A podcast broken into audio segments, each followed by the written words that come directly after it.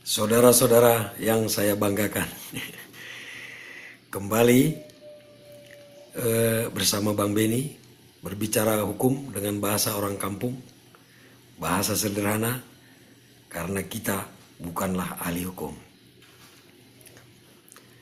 Kali ini saya ingin eh, mengajak saudara untuk eh, berpikir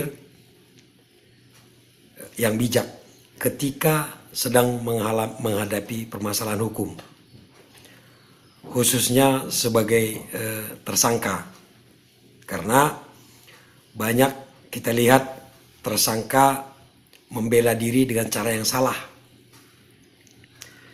Saya ingin menyampaikannya dengan cara eh, seperti ini.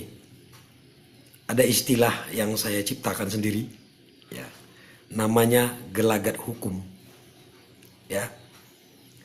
Artinya ketika kita menghadapi permasalahan hukum gelagatnya sudah ada. Akan ke arah ke mana? Begini saudara-saudara. Yang pertama ya ketika kita menjadi tersangka kita tahu kita salah atau tidak. Yang yang yang paling tahu bahwa kita itu salah atau tidak adalah kita, diri kita sendiri. Apakah kita melakukan kejahatan, melakukan tidak pidana itu kita tahu. Nah, tapi bukan berarti kita tidak boleh membela diri. Tapi membela diri harus dengan bijak. Artinya apa? Kita sadar kita melakukan kesalahan. Kita tinggal membela diri supaya hukumannya tidak terlalu berat. Banyak orang membela diri dengan uh, menyangkal perbuatannya. Itulah yang saya maksud dengan gelagat hukum. Artinya seperti ini. Ketika Anda berurusan dengan pihak kepolisian dan sudah melakukan penyidikan, mulai dari Anda dipanggil sebagai tersangka atau bahkan ditangkap, itu gelagatnya sudah terlihat bahwa Anda akan dihukum nantinya atau tidak. Saya kasih contoh permasalahan eh, Jessica, kopi Vietnam. Nah, sebenarnya kalau saja cara membelanya tidak salah, dia tidak akan dihukum 20 tahun. Ini sudah saya tulis di Facebook jauh-jauh sebelum dia dihukum bahwa dari gelagat hukumnya bahwa Jessica akan dihukum sekitar 20 tahun. Itu saya sudah tulis di Facebook sebelum dihukum dan ternyata benar. Karena apa? Jessica tidak mempelajari atau pengacaranya tidak mempelajari gelakan hukum. Contohnya, ketika Jessica dituduh, dicurigai sebagai pelaku pembunuhan, media massa sudah ribut segala macam. Tapi polisi tidak bertindak.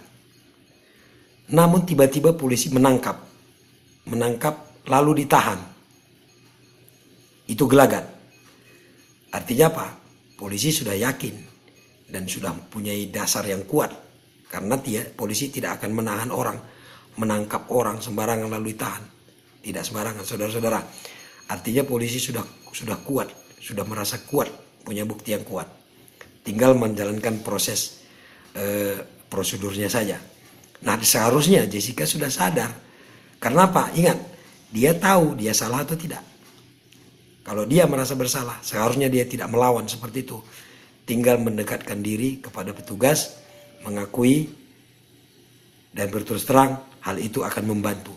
Mungkin tidak sampai 20 tahun, barangkali 6-5 tahun dia bisa dihukum. Namun yang terlihat dia melawan. Dia lupa bahwa gelagat awal tadi, bahwa ketika dia ditangkap dan ditahan, saya yakin penyidik sudah merasa kuat Demikian juga jaksa dan hakim. Jadi yang dilakukannya itu hanya akan mempersulit diri dia. Jadi itulah gunanya gelagat hukum, saudara-saudara. Ketika kita ber, ber, bermasalah dengan hukum, lihat gelagatnya, gelagat dari penyidik, jaksa, dan hakim. Terlihat bahwa mereka sudah yakin dengan kesalahan kita, dan kita tahu sendiri kita sudah salah. Tidak ada gunanya melawan.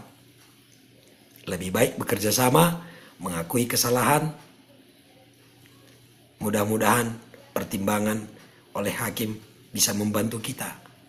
Jangan sekali-kali melawan kalau gelagat hukumnya itu sudah jelas kita bakal dihukum. Begitu saudara-saudara. Jadi saya ingatkan sekali lagi barangkali ini penting bahwa ketika kita bermasalah dengan hukum jangan lupa gelagatnya. Gelagat apakah kita ini bakal dihukum atau tidak. Terlihat dari cara kerja petugas. Terlihat dari keyakinan petugas. Ditambah kita sendiri sudah tahu bahwa kita salah. Saya harap saudara-saudara paham dan membantu bukan berarti saya ingin mengajak saudara untuk berbuat kejahatan, tetapi ketika kita berbuat kejahatan, mungkin alasan kita punya tersendiri. Pada saat kita dilakukan proses hukum, ingat gelagat hukumnya supaya Anda terbantu dan tidak malah menjadi dihukum dengan berat. Banyak kasus seperti itu saudara-saudara. Semoga bermanfaat. Terima kasih. Mohon maaf segala kekurangan. Niat saya hanya ingin membantu membuka pikiran rekan-rekan. Assalamualaikum.